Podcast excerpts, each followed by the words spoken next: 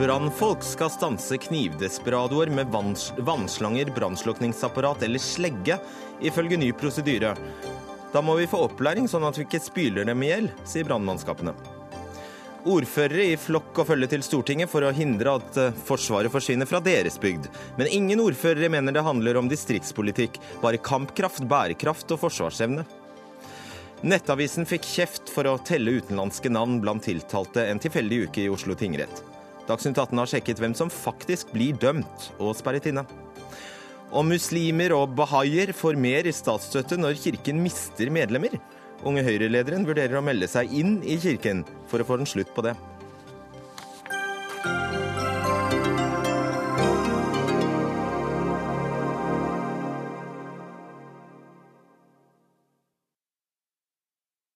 En uh, ny versjon av uh, Dagsnytt 18. Jeg heter Fredrik Solvang. Nå slår norske brannfolk alarm. For etter at brannvesenet i Høyanger håndterte en voldelig person bevæpnet med kniv, etterlyser brannpersonell bedre trening på tilsvarende skarpe situasjoner, som i utgangspunktet er politiets oppgave. Ifølge nye prosedyrer skal, kan brannfolk som er først på åstedet, gripe inn og stanse forbrytere med vannslanger, brannslukkingsapparater og annet relevant verktøy, som det heter. Ove Vanebo, du er statssekretær i Justis- og beredskapsdepartementet. Hva er dette her for noe? Nei, Det er jo en uh, situasjon som uh, dessverre oppsto, hvor uh, vi ser at politiet ikke kom innenfor den fastsatte responstidfristen. Fordi du hadde bygd ned politiet så mye da, eller? Nei, for på Høyanger så er det jo ikke gjort noen endringer i forbindelse med politireformen ennå. Så den kritikken som har kommet der, baserer seg jo på, på noe som ennå ikke er gjort. Men det vi så der, var altså at brannvesenet var, var, først ute og, og, måtte håndtere denne farlige personen. Det er dessverre en hendelse som oppsto, men samtidig så er jo det også noe vi da prøvde å møte med bedre krav til responstid, at det skal være nærhet et tjenestested, og en del andre strukturelle endringer som vi da gjør gjennom politireformen. Bjørn Rønning, du er leder i Norsk brannmannsforum, som inngår i Fagforbundet i LO, og du er brannsjef i Stjørdal. Og Du sier til Klassekampen i dag at dere ikke har trening for slikt, altså å spyle folk hvis dere møter en, en knivdesperado, f.eks. Dere har ikke trening i det, rett og slett? Ja, altså, Det ble jo innført en nasjonal prosedyre der uh, alle brannfolk i Norge skulle innen uh, juli ha gjennomført den prosedyren, opplæring på den prosedyren. Jeg er litt usikker på om alle har gjort det. Men det som vi er litt bekymra over, det er jo retrening. Hvor ofte skal vi retrene på den prosedyren osv. For sånn som det ligger nå, så så legger det ikke noe om hvor ofte vi skal trene på det. Jeg vet jo at politiet blant annet, de trener jo ganske ofte på skarpe oppdrag. Og dette er jo definert som et skarpt oppdrag. Så, og, så bare la meg ha det eh, klart. Dere har ikke noe imot å gjøre det? Nei, altså brannfolk har aldri noe imot å bistå og gjøre noen ting. Eh, men eh, vi er veldig opptatt av at vi må få den riktige opplæringa og vi må få den riktige treninga. Vi må få den riktige retreninga. Og ikke minst så bør vi også ha riktig verneutstyr til det. Men så Politiet når de går i en skarp aksjon, så har de jo både skuddsikre vester, hjelmer, skjold og alt mulig. Vi har ikke noe sånt. Nettopp. Og Vanebo, det var altså 1. juni i år at Direktoratet for samfunnssikkerhet og beredskap eh, iverksatte en nasjonal prosedyre for nødetatenes samvirke ved pågående livstruende vold, såkalt PLIVO. Mm. Og denne Prosedyren sier da klart at ledere for brannpersonell skal vurdere om de kan gripe inn ved å holde gjerningspersonen i sjakk med trykksatt slange, brannslukningsapparat eller annet relevant verktøy. Og så gir dere ikke opplæring i dette? Jo, så Det gis jo opplæring. Det er jo det derfor gjør... vi fikk prosedyren på plass. Og, ja, men Du hørte for, jo hva Rønning sa? Ja, For å ta det Rønning sa, så var han veldig bekymra for at, uh, at, det ikke gis nok trening og, og, og, retrening. Altså at man gjentatte ganger får opplæring og, og, trenes for å holde kunnskapen ved like. Da er det sånn at Politihøgskolen har fått i oppdrag om å, ut, å, utarbeide en plan for hvordan Plivo skal følges opp fremover. Og Der skal det legges opp til at det skal være jevnlig trening. Så jeg syns det er veldig bra at Rønning spiller inn behov for at det skal være eh, den oppfølgingen. Men det er også noe vi har forsøkt å ta hensyn til, og som vi også kommer til å se etter hvert som Politihøgskolen får eh, alt på plass der. Men du må jo gjøre noe med det. ja, da, det kommer jo til å bli gjort noe med det. Og... vurderer å se på, du må jo Nei, gjøre det. Er, det er helt klare føringer på at det skal øves jevnlig, og det kommer også mer politi på plass utover høsten. Jenny Klinge, stortingsrepresentant og justispolitisk talsperson i Senterpartiet. Nå vil du helt sikkert si at dette er et utslag av politireformen, men den har for så vidt Vanebo allerede kvittert ut. Eh, nei, altså det er absolutt ikke et utslag av politireforma, eh, det her. Eh, men jeg frykter at politireforma kommer til å føre til fordi at det vi har nå hatt et godt nærpoliti rundt om i hele landet, det kommer til å bli svekka med den såkalte nærpolitireforma som regjeringa fikk gjennom i Stortinget i fjor. Det, og da vil det, det føre til, og det er et viktig poeng her, og da vil det føre til at brannvesenet får flere slike oppdrag. Ikke bare fordi de må ta de oppdragene som politiet allerede har, men fordi at politiet når de forsvinner fra store deler av landet, eh, når det skjer, så vil det også bli mer kriminalitet og flere oppdrag. Så det blir en dobbelt negativ da, effekt. Eh, men du hører jo brannvesenet selv si at de har ikke noe imot dette, her, de trenger bare opplæring. Er du imot? Nei, eh, for samarbeid mellom etatene. og Det er bra at brannfolk kan stille opp der det trengs, men det er viktig at dette ikke utvikler seg til at det blir slik at brannvesenet må ta oppdrag langt utenfor eget ansvarsområde. Og ikke minst så må vi sørge for at det jo er politi til stede i hele landet, slik at de kan rykke opp på politioppdrag, og at ikke brannvesenet i større, større, grad skal ta det, men det er den risikoen det også innebærer for dem.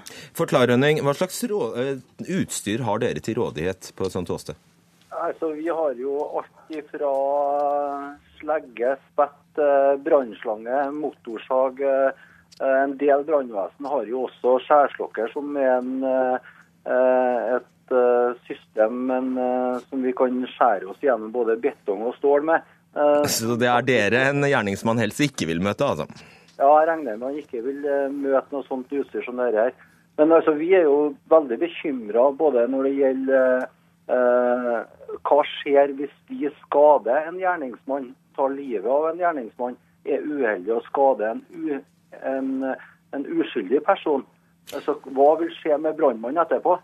Blir han uh, straffansvarlig, f.eks.? Vi skal straks få, prøve å få svar på det, men bare en, eh, eh, en liten sak. Altså, Jeg har forstått sånn at bare den, det høytrykksspylerutstyret dere, dere har, det er så kraftig at bare det kan ta liv? Ja, det kan ta liv. For det kan vi skjære oss rett gjennom betong og stål, og med, så, det, så det kan ta liv. Og dere vurderer om politiet skal få framskutt lagring, eller hva det er, Vannebo? Dette er jo livsfarlig? Altså det, det, er jo klart at uh, det er jo alltid et prinsipp om at man skal uh, følge det mildeste inngrepet. Men, Men ta, det, ta, det, som han sier om at han er bekymret for hvem som blir altså, om de blir straffansvarlige etterpå. hvis de dreper gjerningsmennene, faktisk? Nei, altså hvis, hvis man handler i, i, nødrett eller følger vanlig prosedyre som man lærer i Plivo, så, så, er det klart at man ikke skal bli straffansvarlig for det. Og Der vil det jo alltids være et, et slingringsmonn hvor man ser an situasjonen og, og, de tingene der. Og jeg har veldig vanskelig for å se for meg at hvis man griper inn overfor en, en gjerningsmann som truer med, med livstruende vold, at, vil, at, det vil oppstå et straffansvar. Så, så her eh, tror jeg det er veldig lite å frykte, for å si det veldig forsiktig. Var det godt nok svar, Rønning? Nei, egentlig ikke. For dette er ikke godt nok svar før det er prøvd i et rettssystem. Eh, så det må egentlig være en situasjon som prøves i et rettssystem for å, å se om hva utfallet vil bli. Men det er jo en annen ting som vi også er bekymra over, det er jo kostnadene med det her. Altså, det er en nasjonal prosedyre som eh, kommer nedover oss. Eh, kommunene har jo trang nok økonomi fra før. Brannvesenene, og dem det dette spesielt gjelder for, det er jo deltidsmannskap ute i distriktet. For eh, i byer er det nok politi, men ute i distriktet så finnes det ikke politi. og Da er brannvesenet som skal gjøre innsatsen. Eh, og Da må de trene på dette. De har, ofte så har de en viss tid med trening i løpet av et år, og det koster penger. Nå får vi noe nytt som skal inn her. Skal det tas av den treninga vi har, eller skal vi ha mer trening? Det var lissepasning til deg, det klinger, klinger fordi eh, Høyanger har allerede sendt regninga til staten? Ja, og det bør de absolutt gjøre òg. Og den regninga bør bli betalt av staten, sånn som jeg ser det. Fordi det vi, det vi, vet, er jo at det, snakk om kostnader på en 15 000 til 20 000 per oppdrag for brannvesenet lokalt når de gjør noe på vegne av politiet. Eh, og hvor flere slike typer oppdrag det blir, hvor dyrere blir det jo i praksis for kommunene. Og hvor mindre eh, råd har de jo til den andre beredskapen den brannvesenet egentlig skal drive med. Og vi har eh, nylig stilt spørsmål fra Senterpartiets side min kollega Navarsete til Anundsen, justisministeren. Og svaret er klart at den enkelte etat dekker sine utgifter skriver han i sitt svar til, til oss. Eh, og Det synes jeg er ikke bare bekymringsfullt, men det er problematisk rett og slett, hvis det skal utvikle seg slik. La oss få det oversatt. Hva betyr det, Vanbo, i klartekst? Nei, Det betyr jo at eh, de, de eh, etatene som er involvert i utgangspunktet, skal, skal dekke selv. Men Den lokale vi, etaten? Ja, men vi har også samtidig sagt at dette er en ganske ny situasjon. og Derfor så kommer vi til å ha en veldig konkret og, og grundig vurdering av det. Men så må jeg bare skyte inn ja, Tar du regninga fra Høyanger, f.eks.? Nei, det er, det er, jo det vi skal vurdere, i og med at det er en ganske ny situasjon. Okay. Men så må jeg også skyte inn det, det med at man, man peker på at, at det er såpass lite politi ute. Altså, det er langt mer politi nå, eller mer politi enn det har vært tidligere. Og bare for å gå inn på det, for det, det, det var også noe som eh, Klinge var så veldig opptatt av, at det var så fint før. Men også da vi overtok regjeringskontorene høsten 2013, eh, så var det 1,54 politimenn per 1000. Nå er det oppe i 1,61. Så igjen, det skal selvfølgelig bli bedre, og det kan bli bedre, og vi satser for å få mer politi på plass, men det er i hvert fall bedre enn det har vært før. Uh, Rønning, kan du, jeg er litt nysgjerrig på hva, hva der på åstedet, når det åpenbart brenner, men dere også har med en gal eh, person å gjøre, hva, hvordan prioriterer man da? Hvordan tenker man da? Nei, altså Han øh, må jo forholde seg til situasjonen. Altså, hvis det, vi kommer på et åsted der, altså, der det er brann og skytevåpen involvert, øh, så må vi bare holde oss i bakgrunn til at politiet kommer og avklarer situasjonen.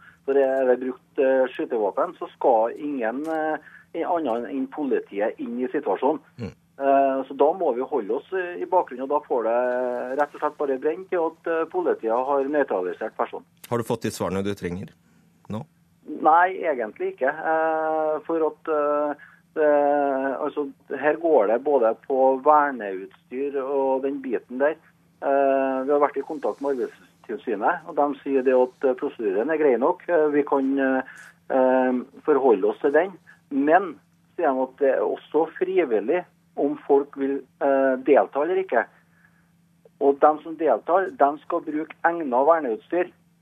Og Hvis du kikker på politiet, hva er egnet verneutstyr for dem? Jo, det er hjelm, skuddsikker vest og, og skjold. Mm. Branntjenesten har ikke noe sånn. Og så Hvis branntjenesten er nødt til å begynne å kjøpe sånn utstyr for å ha egnet utstyr, så vil det igjen eh, ramme budsjettene til brannvesenene veldig hardt. Skjønner. Ja. Klinge, har du de pengene? Uh, nei, det har jeg ikke her og nå, selvsagt. Eh, det er noen ting som vi tar i budsjett. sånn er det jo bare. Men jeg har lyst til å kommentere kort det som uh, statssekretæren sier her. fordi at ja, Eh, antallet politifolk per 1000 innbyggere har jo økt. Eh, men det som har skjedd med den nye regjeringa her, det er jo at økninga har skjedd i Oslo-området. Og det hjelper lite i de områdene det her er snakk om. Det er der en trenger flere politifolk, der blir det færre. Ok, Veldig kort. Ja, nei, så Det kommer jo 350 flere politi eh, ut på gaten etter hvert i løpet av året, her, så det kommer til å bli bedre. Ok, Tusen takk skal dere ha, Bjørn Rønning, Jenny Klinge og Ove Vannebo.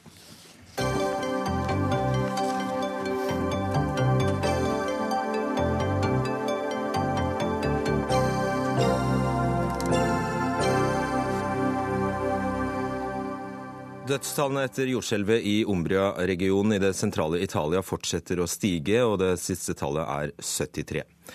Jordskjelvet med en styrke på 6,2 ble utløst klokka 3.36 i natt, og etter det har det vært en rekke mindre skjelv. Småbyene Amatrice, Akumoli og Pescara del Tronto er hardt rammet. Flere titalls andre småbyer er også rammet. Og I løpet av dagen har vi hørt om et krevende redningsarbeid i landsbyene som ligger vanskelig til i fjellene med blokkerte veier. Tore Tollersrud, europakorrespondent, du har kommet deg dit nå. Hvordan ser det ut her? Jo, jeg uh, står nå akkurat ved et sammenrast hus der hvor uh, flere redningsmannskaper uh, med hund forsøker å lete etter en av de savnede. Nå har PST om å være stille her, slik at de skal kunne høre om det kommer noen lyder. Jeg er nødt til å flytte litt på meg. Og Sånn foregår det store og små dramatiske hendelser her nå. Det, er, det har ingen måte gitt opp å finne eh, overlevende.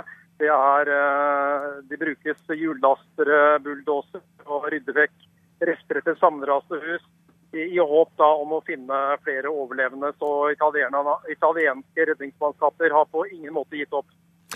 Uh, og Situasjonen er dermed også ganske uavklart. Det, har du hørt uh, noe Er det noen som sier noe om hvor høye disse dødstallene kan komme til å bli?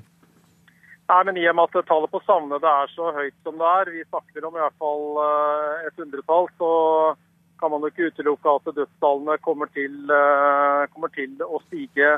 Og rundt meg her i Amatrice så er det ganske mange pårørende som sitter rundt omkring og fortviler og håper i det lengste at dette skal, skal ende bra. Mm. Og Disse byene ligger på en 800 meters høyde. Veiene er blokkert, som vi, eh, som vi hører. Eh, du hadde selv vanskeligheter med å, med å komme deg dit? Ja, på et tidspunkt så bare stengte politiet veien, og jeg måtte gå på beina i seks kilometer. Men eh, det er vel ikke så rart når de trenger veien til eh, ambulanser og eh, andre kjøretøyer som trenger å komme seg fram og tilbake. Det er fullt opp av journalister her nå som følger dette dramaet utover kvelden. Ja. Tusen takk skal du ha, Tore Tollersrud. Skal bare legge til at det ikke er første gangen Italia eller denne regionen rammes av jordskjelv. I 2009 døde 308 personer da skjelvet rammet Abruzzo-regionen.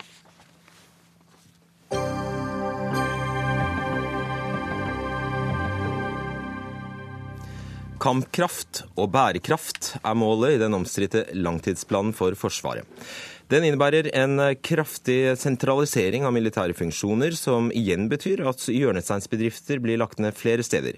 Andøya, Kjevik, Kjeller og Harstad rammes hardt. De kraftige protestene kommer fra eller de kraftigste protestene kommer fra nord. Og I dag var det høring om langtidsplanen i Stortinget. Der var du, Cecilie Myrseth, fylkesrådsleder i eh, Troms. Din hovedinnvending mot langtidsplanen? Min hovedinnvending er jo at man ikke tar inn over seg den viktigheten det er med å ha et sterkt forsvar også i nord. Det er viktig for hele landet å ha et sterkt forsvar i nord, og det mener vi at denne meldinga ikke tar inn over seg. og Derfor har vi vært veldig tydelige på det i høringa fra alle de tre nordligste fylkene. Derfor har vi også laga i sommer det såkalte Troms-dokumentet, eh, som er et fagmilitært eh, begrunna dokument på hvorfor det er viktig å fremdeles ha et sterkt forsvar til stede i nord. Bare eh, ja, tre setninger om det om dokumentet. Det sier litt om hvorfor, eh, hvorfor, man må ha det i nord, og det handler jo litt om hvor beliggenheten vår. Vi har eh, den beliggenheten som tilsier at vi må ha eh, militær tilstedeværelse. Vi er nærmest Russland. Det vil si at det er ikke noe stor fare for, for krig mot Norge, men skulle det skje noe, så er nok faren for det nærmest i nord. Mm. Øyvind Halleraker, du er første nestleder i utenriks- og forsvarskomiteen for Høyre. Du har sittet og hørt på mange protester eh, i dag. Eh, vil du si at kritikerne har gode forsvarspolitiske argumenter, eller handler det om noe annet i dine ører? Det handler vel om eh, gode forsvarspolitiske argumenter også. og Det er klart at det er jo derfor vi har høring. Hva mener du med også? Fordi at det er åpenbart også distriktsvise hensyn. Altså folk som er opptatt av arbeidsplasser og lokalisering i sine kommuner. Men, eh, men, i en høring så skal vi jo uh, høre alle som ønsker å, å komme til torgs med sine meninger. Og det er det vi har, uh, har, gjort i dag. Og da er det opp til oss å se hva Norge trenger, hva slags forsvar Norge trenger. Og forsøke å sortere ut det fra alle innspill som kommer. Og selvfølgelig ta hensyn til det fagmilitære råd som ligger fra forsvarssjefen og fra forsvarsministeren. selvfølgelig vil du si at Cecilie Myrseth representerer en av dem, eller de som da er mest opptatt, eller bl.a. opptatt av distriktspolitikk? Ja, Det eh, tror jeg ikke jeg skal sette meg til doms over. jo, det, jo, jeg spør deg. Nei, det får du ikke noe svar på. Men det, det er et uttrykk for eh, deres eh, syn på egen region og egen landsdel når man eh, stiller så tungt opp. Okay. Og Det er ingen tvil om at denne meldingen den flytter flytter Norges forsvar nordover, ikke sørover. Det er 400 årsverk som legges ned i østlandsområdet. Ok, Da spør jeg deg, da, Myrseth. Følte du deg truffet av det han sa? Nei, overhodet ikke.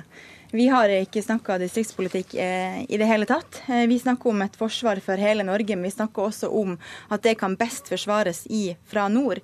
Det er jo det hele dokumentet vårt bygger på. Så den kritikken som reises, den kjenner vi overhodet ikke igjen i og føler meg ikke truffet. Ida Marie Pinnerød, du er ordfører i Bodø for Arbeiderpartiet.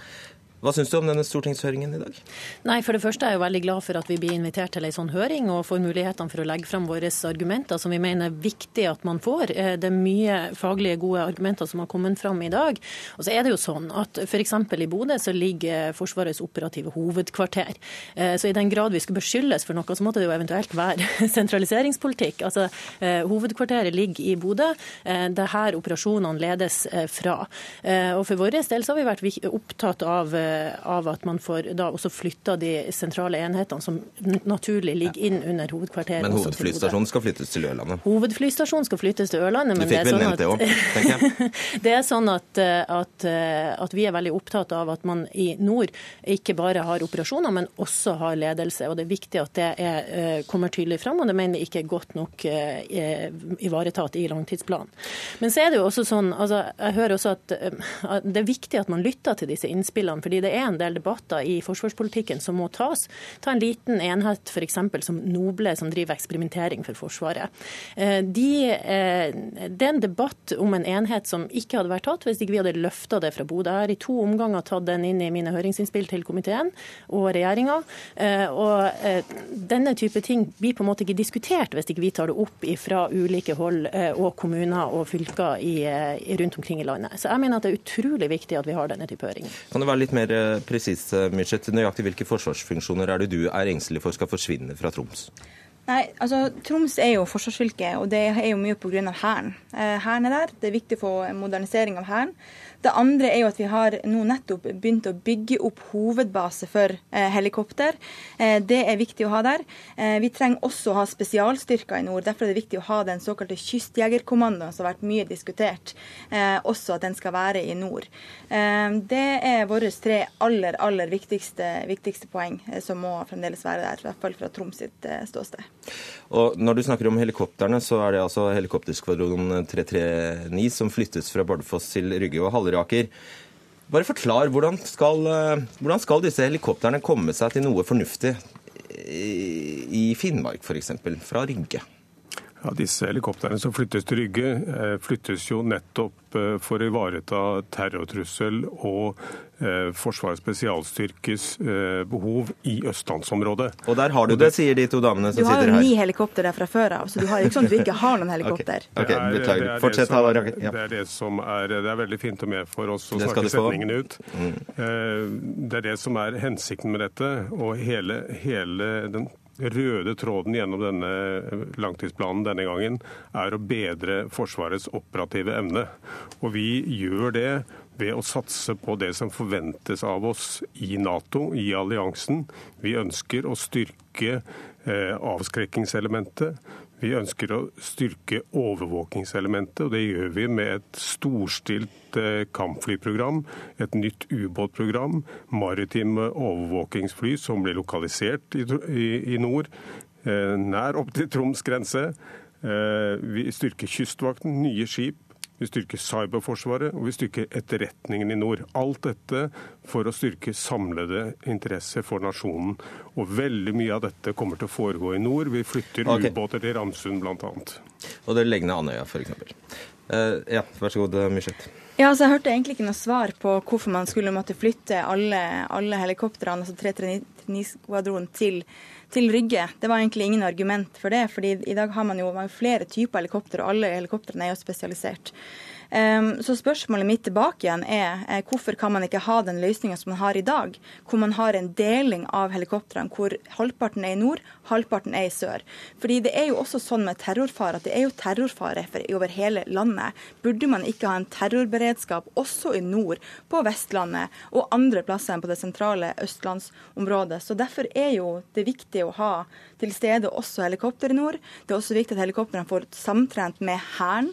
Um, og det er også viktig å ha spesialstyrke i nord, sånn som Kystjegerkommandoen. Vil, vil du svare raskt på det, Halleraker? Ja, Nå vil det jo også bli tilført nye helikoptre i nord. Ikke de samme? Ikke de samme, nei. Men, men balansen i antall helikopter vil være noenlunde stabil. Okay. Eh, Ida Marie Pinnerød, eh, kan du forklare hva føler du når Ine Marie Eriksen eh, sier at kritikere av forsvarsplanen ikke ser helheten, kun en liten del av planen? Nei, altså eh, For meg er det viktig å ha gode faglige argumenter inn i denne planen. Hva føler du? Nei, Det er jo ikke så viktig hva jeg føler. Det som er viktig, er hva jeg mener. Og jeg mener at, at, vi er nødt til å ivareta Forsvaret på en ordentlig måte. Okay. Det gjør vi. Og, men det er en ting som vi ikke diskuterer her, og det er jo det med økonomi. For regjeringa setter jo skattekutt foran alt, også eh, vårt forsvar. Jeg mener at det er en okay. debatt som vi er nødt til å ta fremover. Du svarer ikke på spørsmålet mitt og begynner å snakke om noe helt, helt annet. Øyvind Halleraker. Uh, altså, oppfatter du at uh, Hva er det som gjør denne debatten uh, vanskelig? Jeg forstår veldig godt når, når miljøer som Andøya føler hele eksistensen sin truet ved at en så stor arbeidsgiver som Forsvaret blir foreslått flyttet. Og, og det tar vi med det største alvor.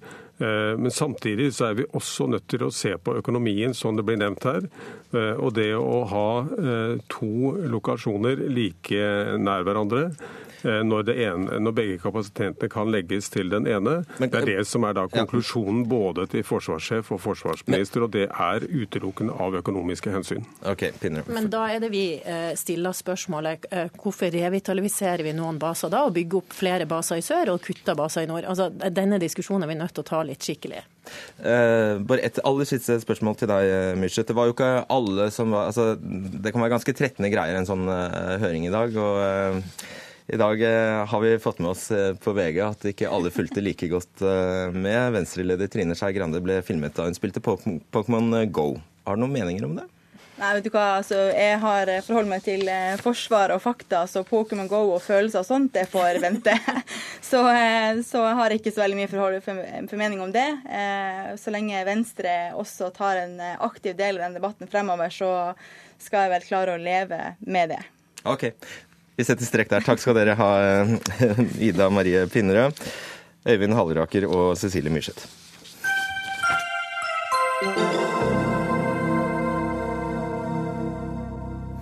Mandag denne uka publiserte Nettavisen en artikkel med oversikt eh, over antall tiltalte i Oslo tingrett en tilfeldig uke i august. Og Hovedpoenget i saken deres var at flertallet av de tiltalte hadde utenlandskklingende navn. Av de 35 tiltalte var det kun åtte som hadde såkalte norske eller nordiske navn, kunne Nettavisen eh, melde. Og nyhetsredaktør i Nettavisen, Stefan eh, Erik Stefansen, nå har dere jeg skal bare legge til det først som sist. Dere har i dag publisert en artikkel der dere kom med noen rettelser. Bl.a. at uh, dere fikk kun tilsendt 35 saker, når det i realiteten var berammet 70 saker. Og i tillegg var flere av sakene uh, trukket. Hvorfor var det så viktig å publisere denne rettelsen? Eh, fordi at Vi vil jo eh, gi, gi, riktige opplysninger. Det viste seg at vi hadde fått feil eh, opplysninger fra Oslo tingrett. Så korrigerte de det, og så da laga vi en, en, ny artikkel. Som da viser omtrent den samme tendensen. Altså en overvekt av, av utenlandske navn. Så poenget står seg, mener du?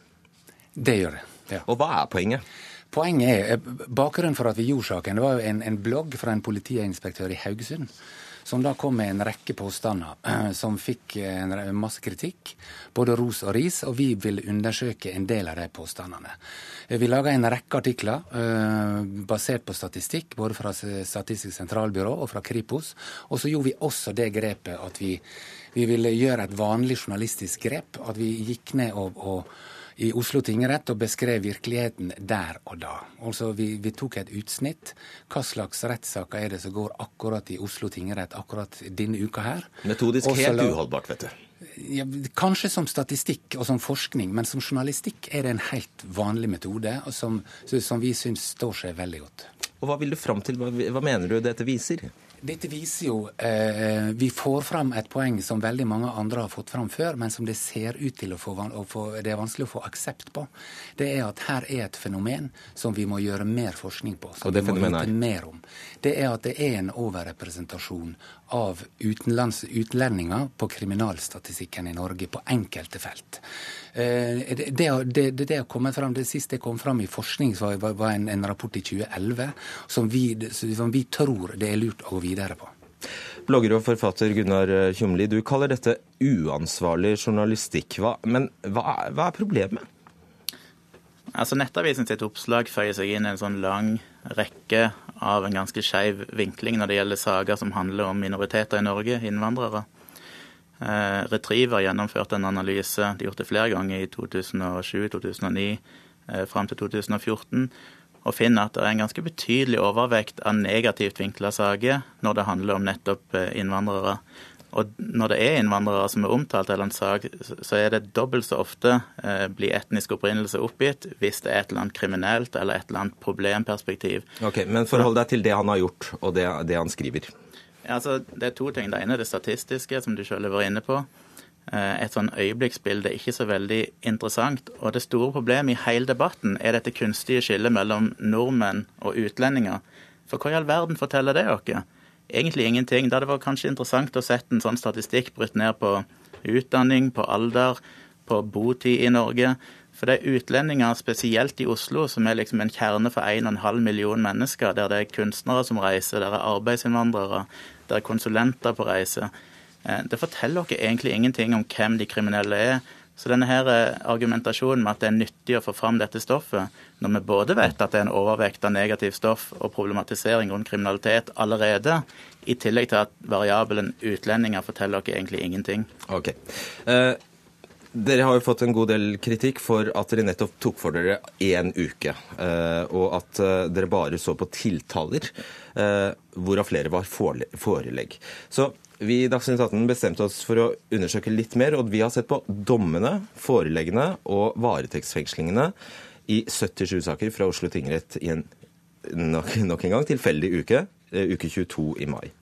Og da ser vi at eh, 35 av, eh, i 35 av sakene omfattes eh, personer med norske navn, mens 42 omfatter personer med utenlandske navn.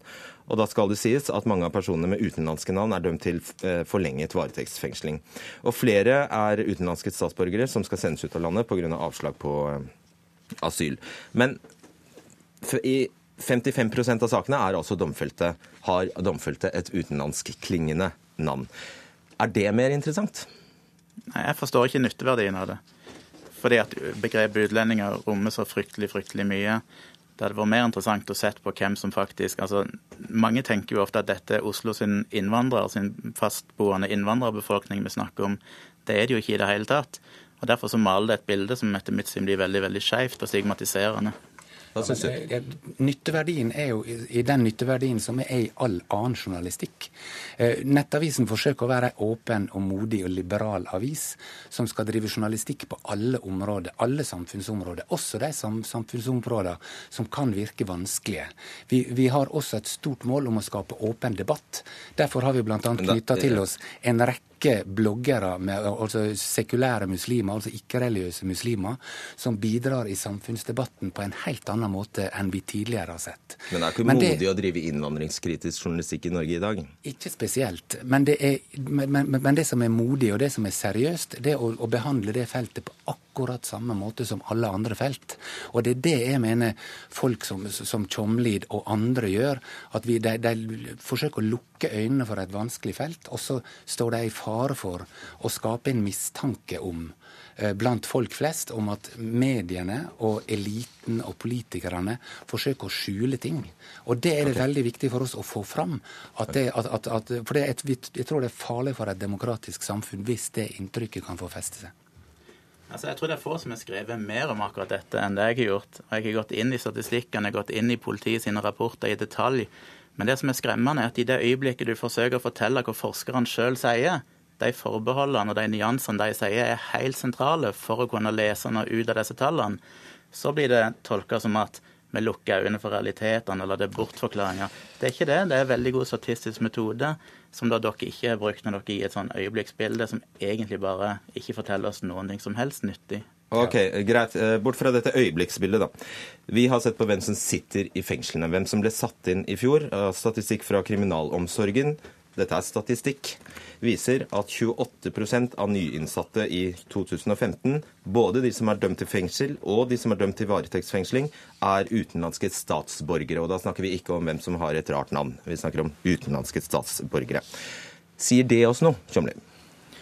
Nei, det er jo, jo Nettavisen sjøl skrevet litt om de nyansene der i forhold til hvem som faktisk blir varetektsfengsla, f.eks. der utlendinger i mye større grad blir det. og Derfor er det eh, vanskelig å bruke den statistikken. Eh, på den måten. I tillegg så er det jo igjen dette begrepet med utlendinger. For hva forteller det dere? Vi vet jo at liksom polakker, litauere, rumenere utgjør den store mengden av disse. Har de noe til felles med en flyktning fra Irak? Sannsynligvis ikke. Så igjen så er det nytteverdien av dette er for meg veldig veldig diffus og vanskelig å forstå. Så det, så det er ikke interessant for deg, bare? Det kommer jo an på hva en egentlig ønsker å undersøke. og Det er jo det jeg føler er litt diffust. Hva er det egentlig vi ønsker å få fram? For det er kunnskapen som han sier at det er viktig å snakke om dette. Men kunnskapen er der jo. Den har vært der i mange år. Vi vet dette. Det er ikke modig, det er ikke noe nytt i det i det hele tatt. Så la, hvorfor kan ikke Nettavisen heller skrive om hva du faktisk kan gjøre for å, å bedre situasjonen? Eh, eh, Nettavisen sin journalistikk disse to siste ukene har bl.a. Fått, fått fram det, det, du påpeker med, med at å, å, snakke om varetekt, sånn som han politiinspektøren gjorde, det, det, det, er et dårlig tema. fordi det er helt naturlig at utlendinger blir varetektsfengsla mer enn nordmenn, nordmenn nettopp pga. rømningsfaren. Men vi har også fått frem at flyktninger og asylsøkere f.eks ikke er overrepresentert i kriminalstatistikken. Det er det Schengen-borgerne som er. Altså hvite europeere, eh, polakker, eh, litauere og eh, rumenere. Og det er jo interessant å få fram. Å si at det ikke er interessant, det, det, det skaper jo selve premisset for en god debatt om flyktninger, asylsøkere, utlendinger, kriminelle. Og vi må jo kunne gå inn med dette der med et åpent sinn, som, som på alle andre områder. Bare et siste spør eh, spørsmål eh, til deg. fordi uh, Statsborgerskap er jo, er jo, tross alt et utvalgskriterium. og da viser jo den statistikken, uansett hvor de nå i verden kommer fra, at de er overrepresenterte. Bor bare 9,9% utlendinger i Norge. Mens det altså sitter nesten 30 er, er utlendinger i fengslene. Det burde jo i det minste gi en tilskyndelse til å mm, undres over hvorfor det er sånn. Jo, altså Jeg ønsker på ingen selvs måte å si at det ikke er en overrepresentasjon. Det tror jeg nok at det er. Men det i seg selv hjelper oss jo veldig lite, for det vi ønsker å finne ut av, er hvorfor er det en sånn overrepresentasjon. Og dette drøfter politiet veldig nøye. Hvorfor er det sånn? Ja, Dette drøfter jo politiet. Og Det handler om f.eks. når det er ungdommer som blir tatt for vold og sånn. Dette er grupper som ofte blir overvåka nøyere av politiet. Derfor blir de ofte tatt. Det er høyere anmeldelsestilbøyelighet overfor folk som ser ikke-vestlige ut. Og det er altså en helt sånn, så er det dette med sosiodemografiske forhold, at det er mange flere unge menn blant innvandrere enn det er i den norske befolkningen ellers. Så det, dette igjen så forteller dere ikke så veldig mye, hvis ikke vi er veldig nøye med å presisere at det er en del forbehold og nyanser som må med. Jo, men det, den, den forskninga som er gjort for dette i 2011 fra, fra, fra SSB, den, den, tar jo forbehold om akkurat disse, disse tingene der. Det er, likevel, det er likevel en overrepresentasjon. Og det viktige jo da er å erkjenne at det er slik. For først da så kan man jo gå inn og, og begynne å, og lete etter årsaker. Hvis man ikke erkjenner det, da kommer man ingen vei. da. Tema skal for... jeg, må, jeg må stoppe dere der. Temaet skal forbli det samme, men vi skal bytte dere ut. Tusen takk.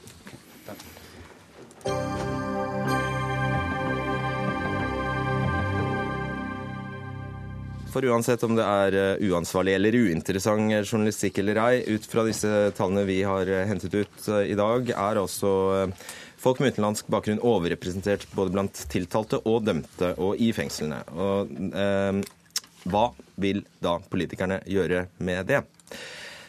Masiyar Keshvari, stortingsrepresentant for Frp. Hva vil f.eks. EØS-partiet Frp gjøre med at så mange av de straffedømte er her pga. at ditt parti har satt døra på vidt gap?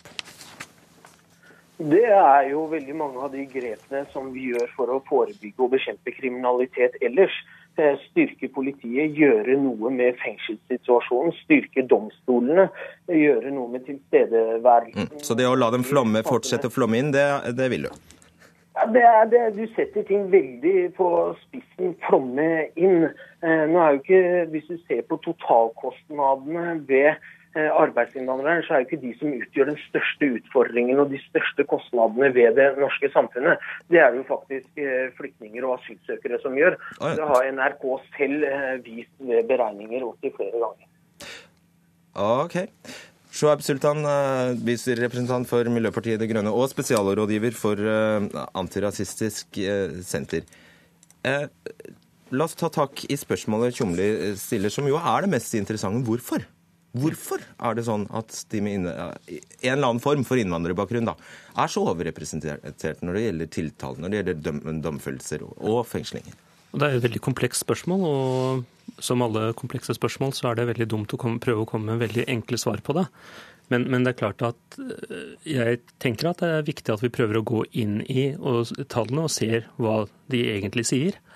Er det øh, Det var vel øh, under forrige innslag at det ble nevnt dette med at det i stor grad er EØS-borgere. Ja vel, hva betyr det? Hva slags kriminalitet snakker vi om? Snakker vi om folk som kommer hit for å begå kriminelle handlinger? Eller er det de som jobber her som, med en eller annen bakgrunn som er mer kriminelle?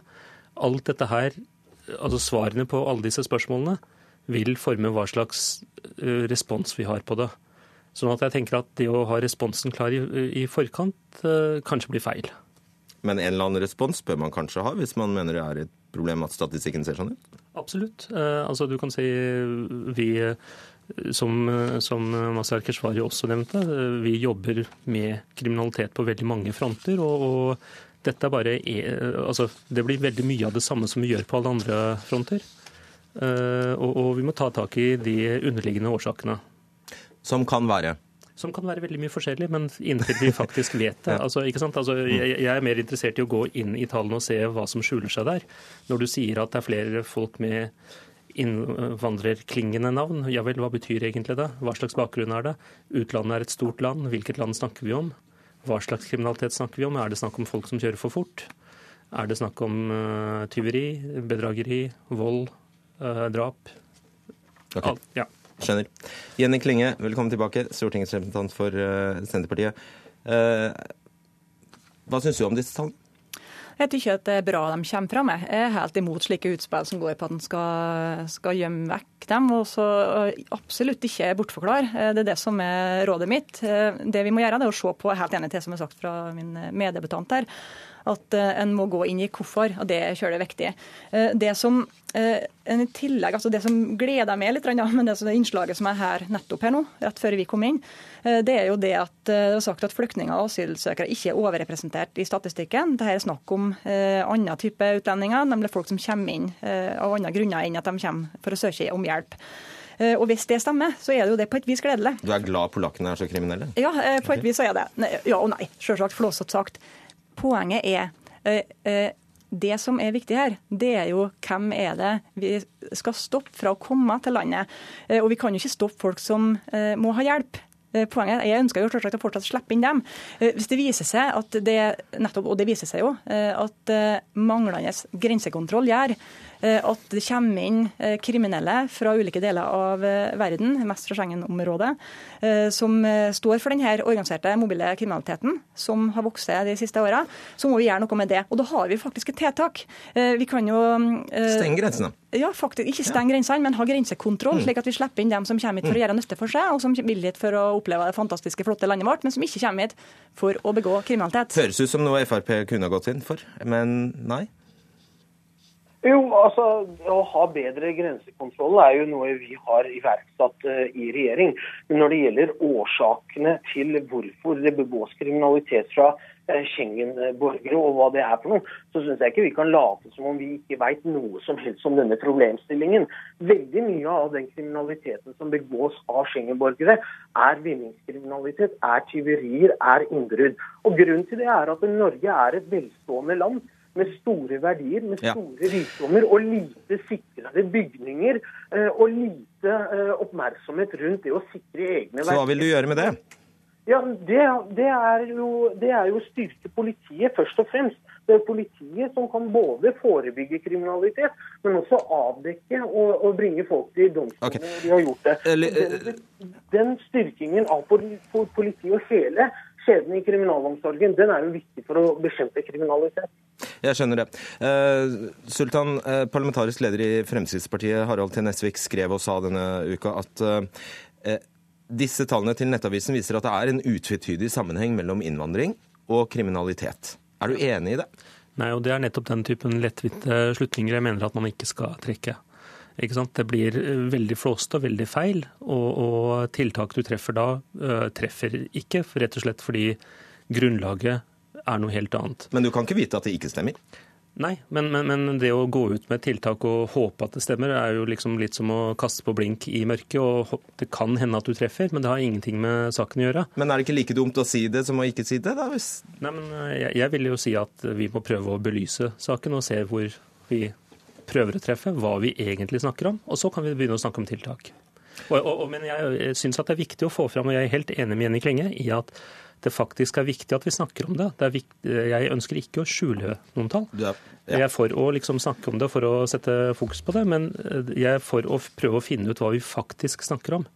Prøve å finne fakta bak liksom litt sånn flåste overskrifter. Programleder, programleder. Ja, hei du. Det, det, det parlamentarisk leder i Fremskrittspartiet har sagt, er jo eh, noe som er veldig lett dokumenterbart, ikke bare i Norge, men i samtlige europeiske land som har hatt høy migrasjon og innvandring. Enten det er i Tyskland, eller det er i Sverige, eller det er i Storbritannia. Eh, og Vi vet som sagt noe om hva slags type kriminalitet de ulike gruppene er overrepresentert på. Når det kommer f.eks. til familievoldssaker som utløser barnevernstjenester og andre ting, så vet de i Oslo kommune veldig godt hvem det gjelder. Og det er ikke EØS-borgere. Så man kan ikke late som om det ikke er noen kobling mellom innvandring og kriminalitet. For det er jo signifikant også i eh, det materialet vi har allerede okay. tilgjengelig. Når vi ser hvor, altså hvor lite andel av den norske befolkning, eh, utlendinger, innvandrere, asylsøkere, flyktninger utgjør, og hvor stor andel av de som er representert på kriminalstatistikken. Mm. Og i fengslene så er det en overrepresentasjon som er signifikant, og som man ikke kan ro seg vekk fra. Er du enig i det, Klinge? Det siste han sier om statistikken. Mm. Nei, Det kjenner jeg ikke godt nok til. for Det som var sagt rett før vi kom inn her nå, det var jo det at de ikke er overrepresentert når det gjelder asylsøkere og innvandrere. så Det er noe vi er nødt til å se uh, ordentlig godt på, uh, nettopp for å finne ut hva, hva er årsakene her. Men jeg reagerer sterkt når Keshvaris forteller om at ja, vi er et rikt land og vi sikrer ikke verdiene godt nok, og her må vi styrke politiet. Når et enkelt grep vi kan gjøre for å slippe da, å styrke politiet for det her formålet her, det er å ha sterk grensekontroll, så kan slippe at kriminelle kommer hit. Vi har et okay, ønske Men det er. Sterkere grensekontroll grensekontroll. Jeg må fortelle en ting til. fordi at eh, Poenget er at fri flyt av mennesker er en god ting, men det fører også til fri flyt av kriminelle. Og Apropos det som polakkene, det som er poenget mitt, som jeg må få fram, det er jo at polakkene stort sett nettopp ikke kriminelle, på samme måte som nordmenn ikke er det. Men altfor mange kriminelle polakker kommer hit fordi vi ikke har grensekontroll. Og da får de et dårlig rykte på seg. Okay, det tjener ingen. Vi inviterte jo dere tre politikere hit nettopp for å få svar på dette spørsmålet. Hva kan vi gjøre med dette? Og jeg gjentar det spørsmålet, så mer kunnskap, sier du bare. Ja, Men hva vil du gjøre med det etter at du har fått kunnskap? Det er litt vanskelig å si hva man skal gjøre med kunnskap, hva man skal gjøre før liksom, man har noen kunnskap. Ok, Hvordan vil du få den kunnskapen da, for å starte ja. der? Eh, prøv å gå inn i tallene, prøv å finne ut hva det faktisk dreier seg om. Prøv å se om det er enkeltgrupper som er representert i enkelttyper kriminalitet. Keshvari snakker om Gjør du det i morgen, du da? Uh, ja, jeg sitter ikke på Stortinget, det er de som Men, men Keshvari har tydeligvis uh, set, satt seg inn i en del av disse tallene. Men jeg mener at altså, hvis årsaken er at uh, enkelte grupper så er det dårlig integrering, og, og det medfører mer familievold, ja vel, da må vi ta noen grep på det. Hvis det er snakk om at det er kriminelle som eh, kommer for å bedrive kriminalitet, da må vi se om vi får tatt tak i det. Eller andre ting. Keshvari, aller siste eh, spørsmål til deg. Altså, Det hadde vært lett å forstå denne kritikken din, eller denne, den gjentagende kritikken fra Frp egentlig, om at dette handler om altfor høy eh, innvandring, hvis dere hadde i ermet en storstilt plan for å bli kvitt problemet. Men det har dere jo ikke. Vi, vi, har jo det, og vi har jo gjennomført det. Det har aldri vært utsendt flere innvandrere og utlendinger ut av Norge enn det som skjedde i fjor. Og deriblant også med prioritet av kriminelle utlendinger. Eh, og vi har også utvidet eh, modul C på Trandum med lukkede asylmottaksplasser, som gjør at det folk som er i påvente av å bli kastet ut, blir plassert der, slik at de ikke kan begå nye kriminelle handlinger. Det kommer 500 nye sikkerhetsplasser på Gardermoen. Eh, politiet har fått en rekordvekt med rekordmange antall okay. eh, nye ansatte osv. Så, så, så, så det er jo ikke slik at vi ikke har gjort noe. Vi har gjort noe, men vi er langt ifra mål. og Det er den erkjennelsen vi i Fremskrittspartiet har. Tusen takk, Masiar Keshvari, Soab Sultan og Jenny Klinge.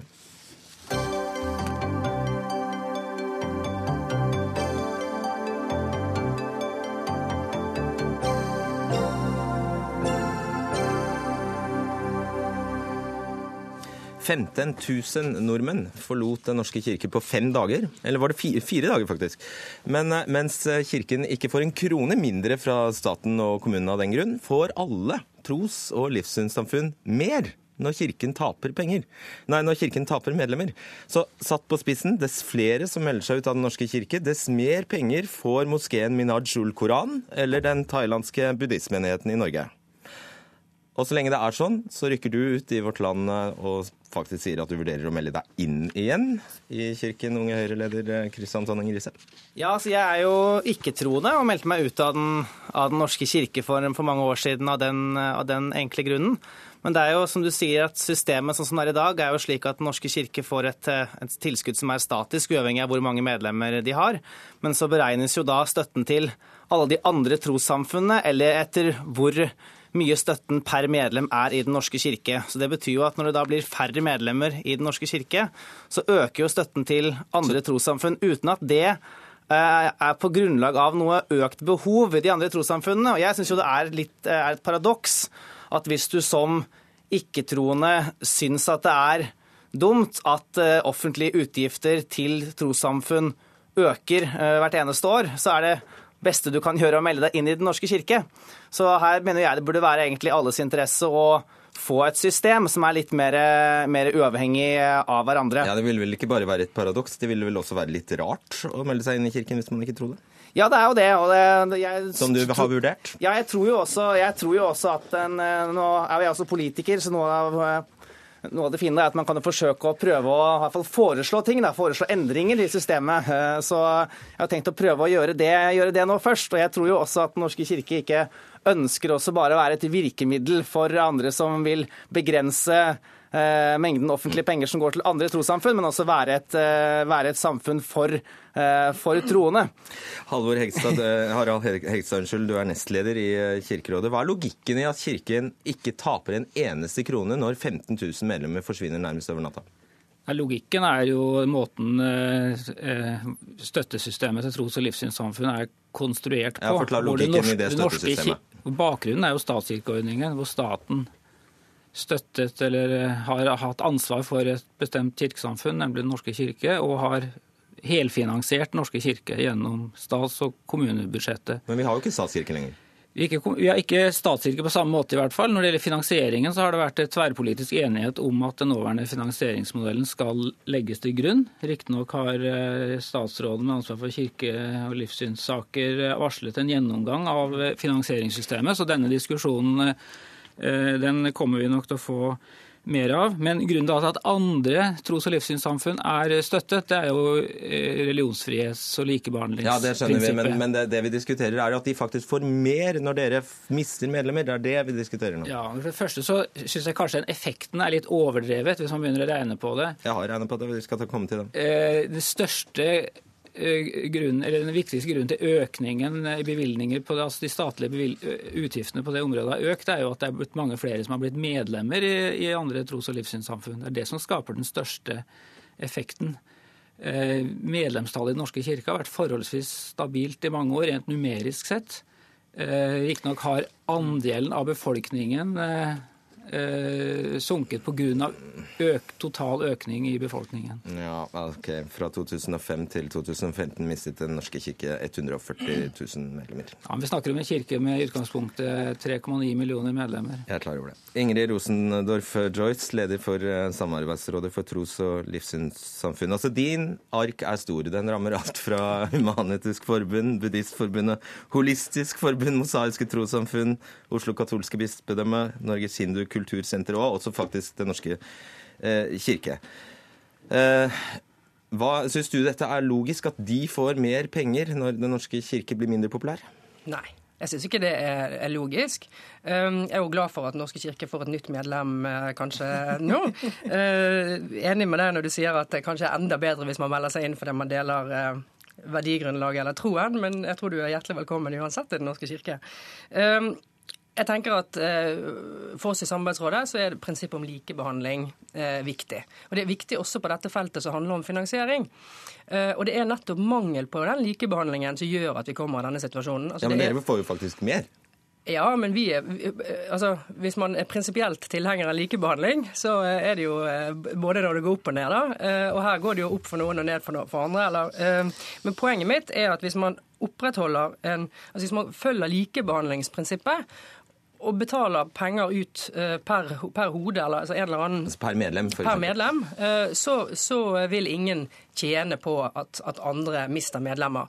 Det er en mer rettferdig eh, situasjon, tenker jeg. Du begrunner hele utspillet ditt Tonning Riise, med at slik trosstøtten er nå, kanaliserer vi stadig mer penger inn i de miljøene som virker dårligst for å sikre god integrering. Hva mener du med det? Ja, jeg syns integreringsperspektivet her, her er ganske, ganske viktig. og Det gjelder jo særlig særlig minoritetsmiljøer. Det er noe av det viktigste for, å bli godt integrert, er jo å komme i kontakt med miljøer hvor man ikke bare eh, omgås sin egen minoritet, men også, også møter, eh, møter, folk fra andre kulturer og, og, nordmenn. Og da er jo ofte eh, de religiøse miljøene da, kan jo være ofte de som kanskje er mest ensrettet. Og det, det kan jo føre til at når vi da, når vi da kanaliserer da stadig mer penger inn i de miljøene, mens det koster penger f.eks. å være med i idrettslag eller, eller annen, eh, andre frivillige lag og foreninger, så, så, tror jeg at, eller så blir den effekten litt hemmende på, på integreringen. Fordi ja, forholdet blir Føler du deg truffet, Joyce?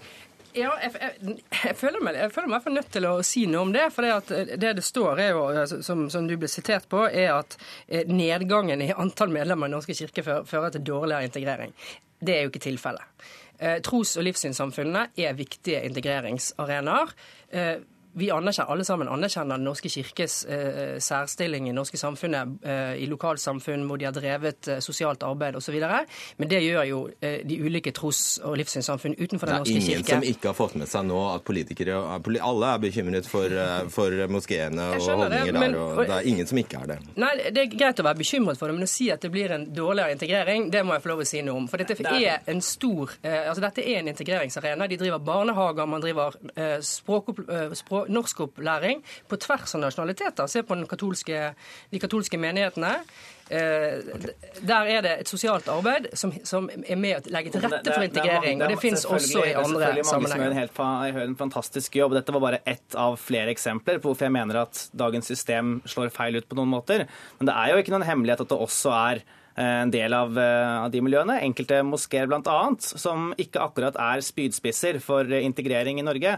Og da er det et paradoks for meg at i takt med at Norge blir mer sekulært, så får de miljøene mer penger, mens vi antagelig mye heller burde brukt eh, penger på å kanalisere det inn i eh, idrettslag og, andre arenaer, mm. hvor eh, minoritetsungdom kommer i kontakt med, med mer mangfoldig del av det norske samfunnet. Hegstad, siden du nevnte dette med, siden du sa at det utgjorde så lite, du har egentlig veldig rett i det. det er disse 15 000 medlemmene for eksempel, som Kirken har tapt, utgjør fire kroner per hode for deg, Joyce, og dine fire kroner per medlem. Så det er, det er ganske små penger, penger vi snakker om, men det er jo prinsippet, da. Og hva er egentlig problemet med å bare skille altså det som eh, er lovpålagte oppgaver, og det som er å betjene antall, det antall medlemmer man har. Hvorfor er det så vanskelig? Vi er gjerne med på å diskutere den type, den type løsninger, hvis de konkret uh, kommer på bordet. Uh, men det vi er, kan være redd for, det er jo at hvis politikerne bare definerer en stor pott og sier at fordel det mellom tros- og livssynssamfunnene, så vil det gjøre det vanskeligere for Den Norske kirke å fylle sine eh, lovpålagte oppgaver, det som samfunnet forventer av, av Den norske kirke. Eh, vi har sett tendenser til det i noen kommuner, hvor man budsjetterer etter den type prinsipper. Men hvis det ikke kommer noen til gudstjeneste, så er det ikke vits å avholde gudstjeneste. Sant? Det er jo ganske enkelt. Myten om de tomme kirker er, er, er, er sterkt overdrevet, også hvis du ser på statistikken. Så jeg tror ikke det er det som, det som er problemet. Eh, nå har ti sekunder på dere hver. Ja, jeg har i hvert fall foreslått, og jeg syns det er grunn til å diskutere om man kunne laget et skille mellom de som er litt mer sånn eh, seremonielle oppgaver som Kirken er, er, pålagt å ha, og det som er å forvalte altså, norske eh, kulturbygg, og det som er ren trosutøvelse. Og Det er litt det jeg har forsøkt å problematisere, men som jeg skjønner jeg ikke har all verdens tid til å gjøre her nå. Det er allerede tatt ut. Altså, Kirkebygg før 18, bygget før 1850, 1860 er utenfor, så det er ikke hvit. Ja, men det er altså, bare de før 1860. Det er ganske mange Der. som ikke er bygget, uh, Var etter det. Over. Vi tar opp tråden en annen gang. Ida Tune Øretsland, Finn Lie og Fredrik Solvang takker for seg.